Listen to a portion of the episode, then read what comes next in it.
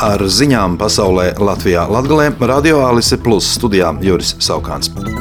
Krievijas prezidenta Vladimira Putina šodien vairāk nekā pusotru stundu ilgajai uzrunai federālajai sapulcei bija pievērsta pasaules mediju uzmanība. Nav brīnums, ka šī uzruna, kurai būtu jāiezīmē tālākā Krievijas attīstība un rīcība, izpelnījās arī ievērojumu komentētāju kritiku. Krievijas prezidents uzrunā federālajai sapulcei solīja sistemātiski turpināt Maskavas ofensīvu Ukrainā. Kārtējo reizi izskanēja apgalvojumi, ka Krievija saskārās ar nacistu draudiem. Viņš arī paziņoja, ka rietumu sankcijas, kuru mērķis bija likt Krievijas iedzīvotājiem ciest, nav bijušas veiksmīgas un apgalvoja, ka Krievijas rubļu daļa starptautiskajos darījumos ir divkāršojusies un pēdējā laikā vairākās nozarēs bijusi izaugsme, kā arī samazinājies bezdarbs.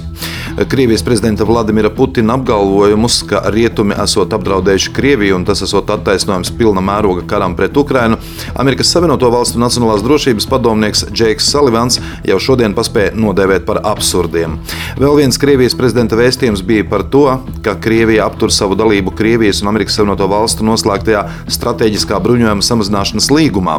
Pirms 12 gadiem parakstītais līgums paredz, ka abu pušu kodola arsenāli tiek ierobežoti ar 1500 550 strateģiskajām kaujas galviņām, kas ir gandrīz par 30% mazāk nekā 2002. gadā noteiktais maksimums.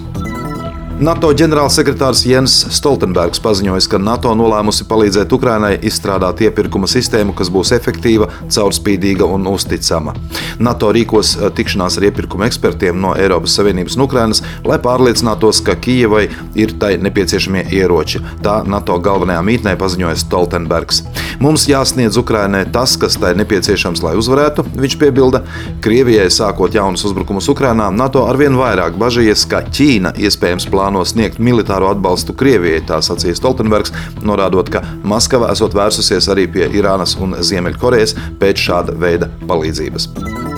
Prokuroru amatu pretendenti pārbaudījumos demonstrē zemu zināšanu līmeni, un tas liek domāt, ka Latvijā izglītības sistēma degradējas. Šādu vērtējumu šodien Saimas aizsardzības iekšlietu un korupcijas novēršanas komisijā pauda ģenerālprokurors Juris Stukāns. Prokuratūra ilgstoši nevarot aizpildīt brīvās prokuroru amatu vietas, vidēji katru gadu eh, tādas eh, ir brīvas ap 35. Stukāna skatījumā grūtības ar brīvo vietu aizpildīšanu ir saistītas ar kritiku kritiskajiem demogrāfijas rādītājiem un jauniešu slikto zināšanu līmeni. Latvijas pašvaldības savienība rosina noteikt, ka iedzīvotāju ienākumu nodokļa pašvaldību ieņēmumu daļu 2023., 2024. un 2025. gadā vajadzētu palielināt no 75 līdz 80 procentiem. Teikts eh, Latvijas pašvaldības savienības vēstulē deputātiem saistībā ar valsts budžeta 2023. gadam izskatīšanu otrajā galīgajā lasījumā. Saimā galīgajā lasījumā valsts eh, šā gada budžeta projektu paredzēts izskatīt 8. martā. Reizeknas pilsētas pašvaldība izsludina kandidātu pieteikšanos pašvaldības kapitāla sabiedrības Sijā Reizeknas namsēmnieks valdes locekļa amatam. Galvenie pienākumi šajā amatā būs uzņēmuma attīstības stratēģijas izstrāde un īstenošana, uzņēmuma pamatdarbības nodrošināšana, darba procesa plānošana un vadīšana dzīvojamā fonda apsaimniekošana, eksploatācijas un tehniskās uzraudzības kontrole, tāpat pārskatu sagatavošana un iesniegšana, iepirkuma procesi un citi. Daugopils cietokšņa saimnieciskās lietas turpmāk pāraudzīs viena iestāde. Tā šodien preses konferencē pauda Daugopils pašvaldības priekšsēdētājs Andrejs Elksniņš.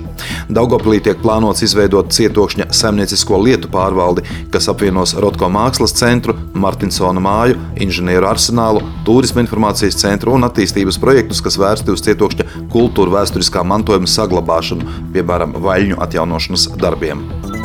Reizeknas novada pašvaldības pārstāve Jūlija Jurāne informē, ka piekdien, 24. februārī, 2006. vakarā Reizeknē festivāla parkā norisināsies koncerts Ukrainas atbalstam. Mūzika un tautas kopā būšana savstarpēji vieno Ukrainas un Latvijas tautu, un koncerts sniegs iespēju paust atbalstu un atgādināt, ka mēs esam kopā ar Ukrainas iedzīvotājiem, tā pauda Jurāne. Atbalsta koncertā skanēs gan ukrāņu, gan latviešu dziesmas. Organizatori aicina ņemt līdzi svecītes, kuras vēlāk varēs nolikt pie pieminiekļa vieno vienoti Latvijai. Koncertu organizē Rezeknis novada pašvaldība. Ziņu apskatu pasaulē Latvijā Latvijā veidoja Radio Alise Plus informācijas un ziņu dienests ar Sabiedrības integrācijas fonda atbalstu. Radio Alise Plus studijā bija Juris Saukāns.